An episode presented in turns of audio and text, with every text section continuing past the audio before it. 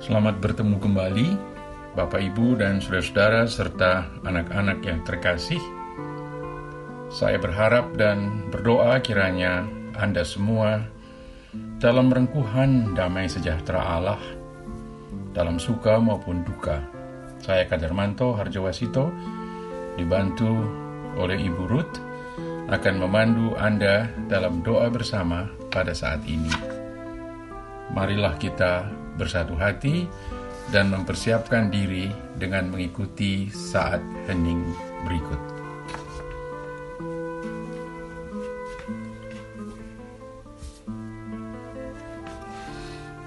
Marilah kita bersama-sama membaca Alkitab yang diambil dari Matius 22 ayat 15 hingga ayat 22. Matius 22 ayat 15 hingga 22. Demikian.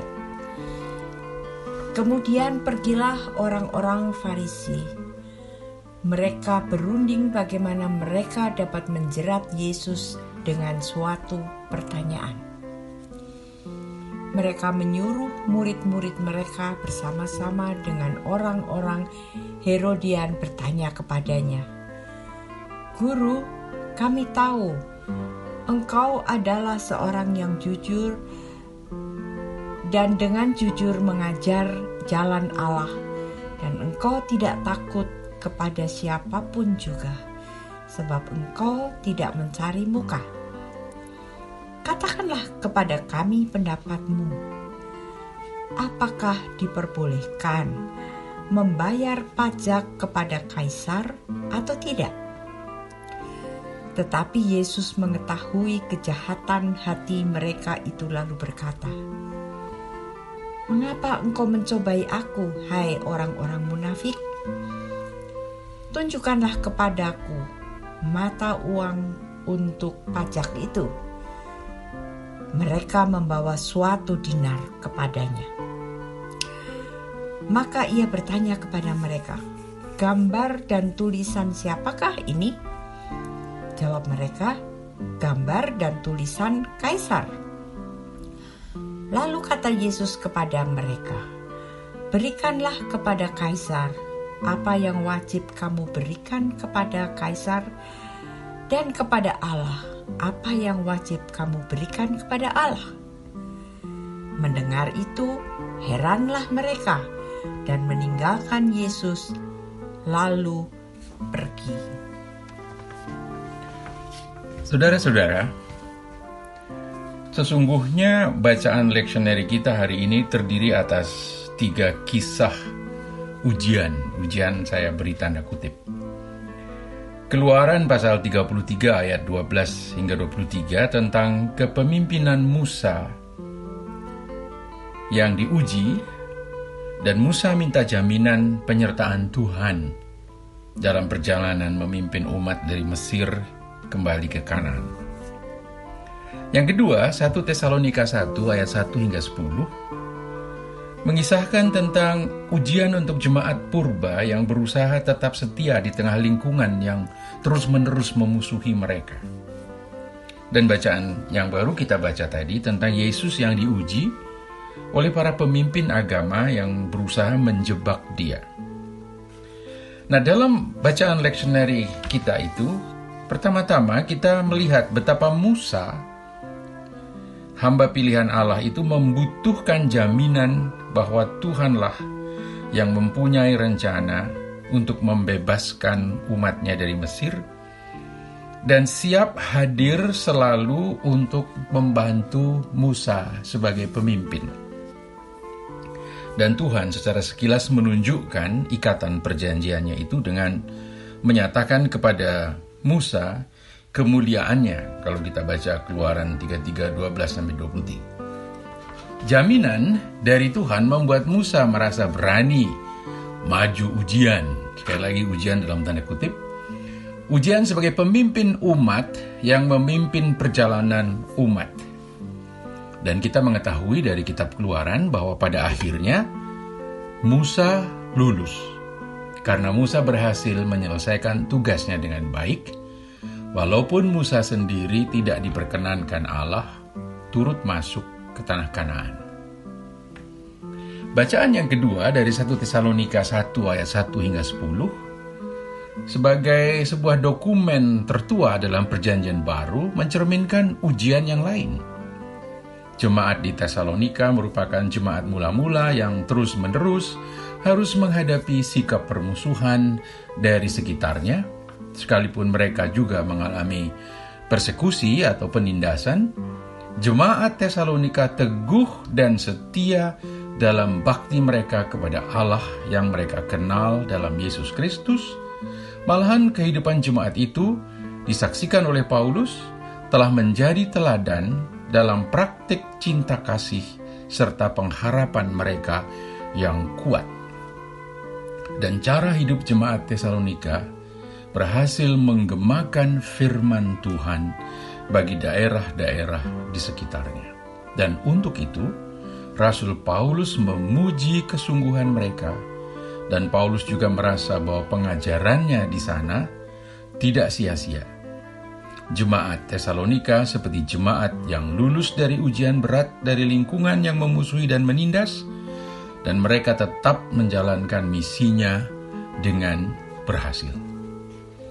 Dan bacaan kita yang tadi kita baca bersama, Matius 22, 15 hingga 22, dikisahkan bagaimana Yesus menghadapi ujian, sekali lagi ujian dalam tanda kutip, dari orang-orang Farisi yang bermaksud mencobai Yesus untuk menjeratnya agar Yesus bisa ditangkap dengan tuduhan melawan kaisar.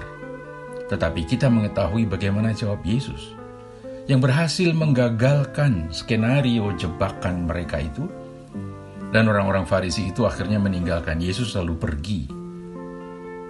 Yesus lulus ujian. Nah Bapak Ibu dan Saudara dan anak-anakku semua, kisah tiga kisah di atas hanyalah cuplikan-cuplikan kecil dari narasi tindakan Allah dalam menyelamatkan umatnya. Musa sama sekali bukan seorang pemimpin yang sempurna, Demikian juga jemaat Tesalonika bukan jemaat yang sempurna. Dan Yesus juga akhirnya harus wafat di kayu salib dan disaksikan oleh orang-orang Farisi. Tetapi di dalam keseluruhan kisah, kita menyaksikan bagaimana Allah mengasihi manusia.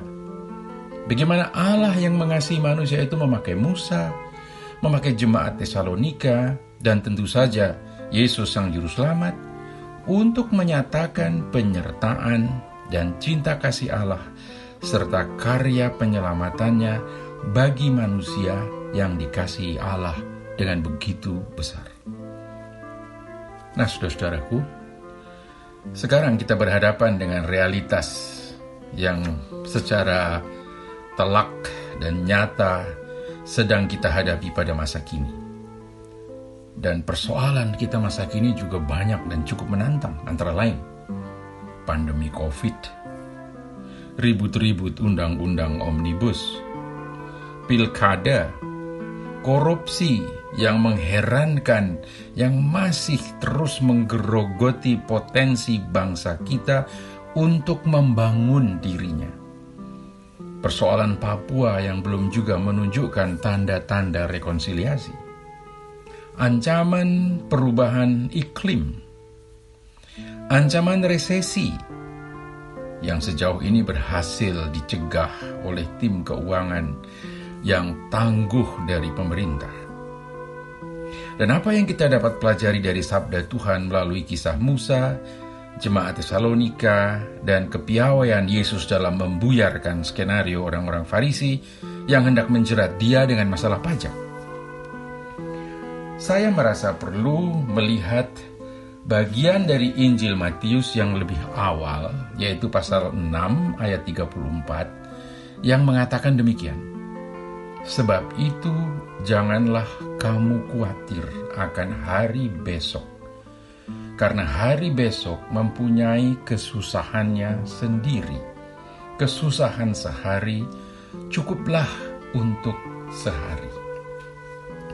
Nah, Melalui ayat itu, kita diingatkan untuk fokus pada masalah yang sedang kita hadapi hari ini, dan tidak membiarkan fokus kita buyar ke mana-mana, sehingga kita merasa tidak berdaya.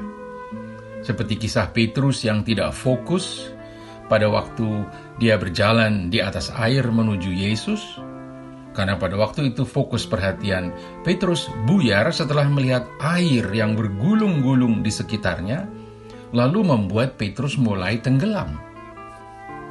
Mampukah kita melihat dan bersyukur atas peran orang-orang yang dengan setia melayani sesamanya tanpa henti, seperti para dokter dan perawat serta tenaga-tenaga medis lain di rumah sakit?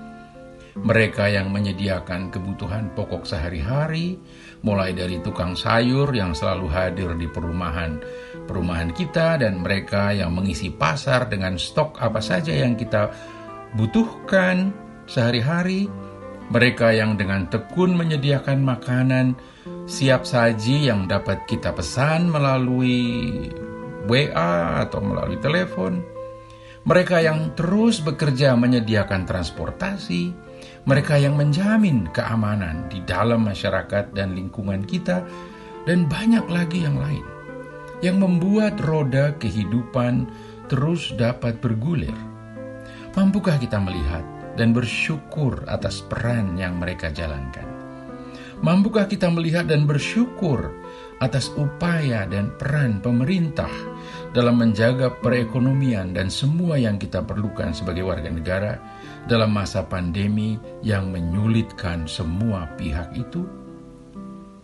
Orang-orang yang gagal melihat tentu tidak dapat mengucap syukur dan hanya meminta-minta terus-menerus kepada Tuhan, seolah-olah Tuhan jauh dan tidak peduli.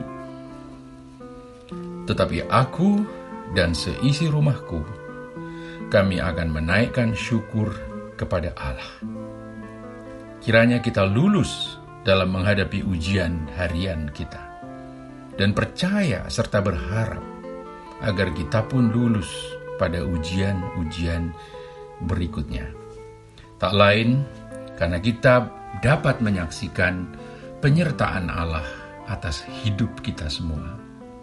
Dan biarlah kesusahan sehari cukuplah untuk sehari. Amin. Kita akan masuk ke dalam doa bersama. Mari kita mulai dengan menaikkan doa Bapa kami yang diucapkan bersama keluarga. Setelah itu kita akan melanjutkan dengan pokok-pokok doa selanjutnya. Mari kita berdoa.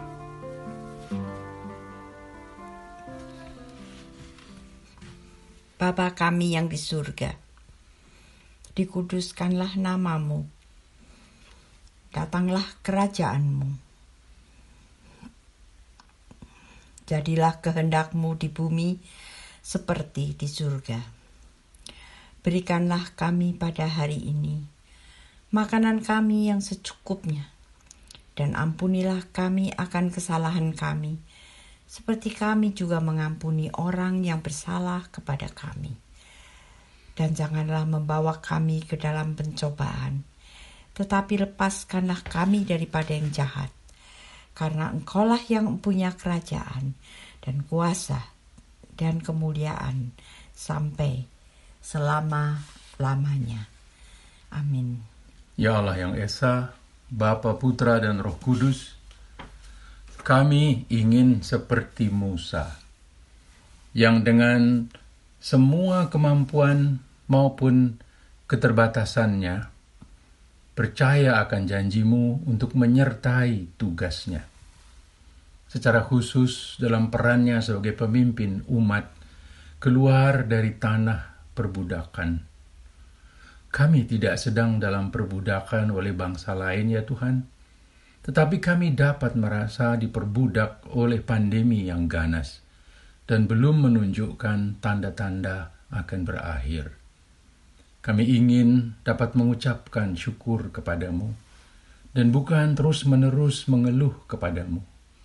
Bersyukur karena kami mampu melihat penyertaanmu dalam hidup kami melalui orang-orang yang ada di sekitar kami, orang-orang yang berusaha menyediakan kebutuhan kami, orang-orang yang rela mengambil risiko demi tugas-tugas kemanusiaan di semua bidang yang meringankan hidup kami.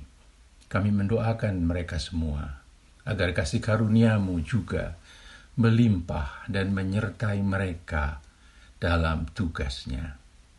Dalam pengasihanmu kami mohon. Ya Tuhan, dengarkanlah doa kami. Ya Allah, bila pada saat ini kami harus menghadapi pandemi yang ganas ini dan yang telah mengakibatkan munculnya beragam masalah dalam hidup kami, kami selalu berharap dapat merasakan kehadiranmu dalam setiap upaya kami memecahkan masalah-masalah itu satu persatu, hari demi hari. Berilah kami kesabaran dan ketekunan untuk tidak kehilangan akal dan cara untuk menggemakan sabdamu ke lingkungan sekitar kami.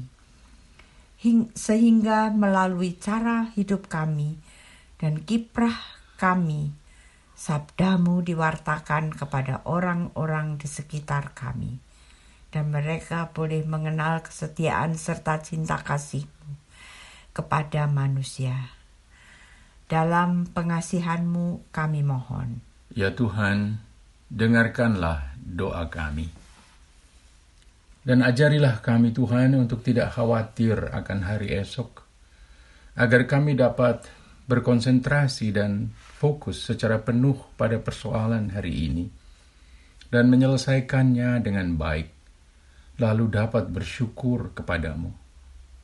Kami ingin berjalan selangkah demi selangkah, dari hari ke hari, dengan fokus dan tidak membiarkan diri kami dikuasai oleh kepanikan yang dapat menenggelamkan kami pada masalah di sekitar kami, karena kami telah kehilangan fokus.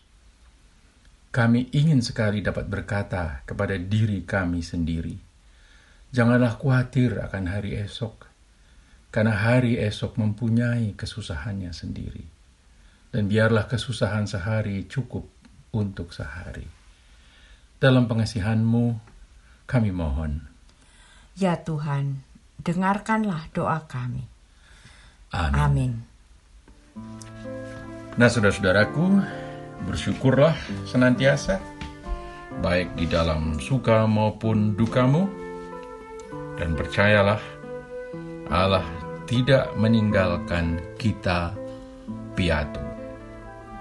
Sebab Allah sang sumber kasih karunia dan damai sejahtera akan senantiasa menyertai kamu. Amin. Selamat malam dan selamat beristirahat.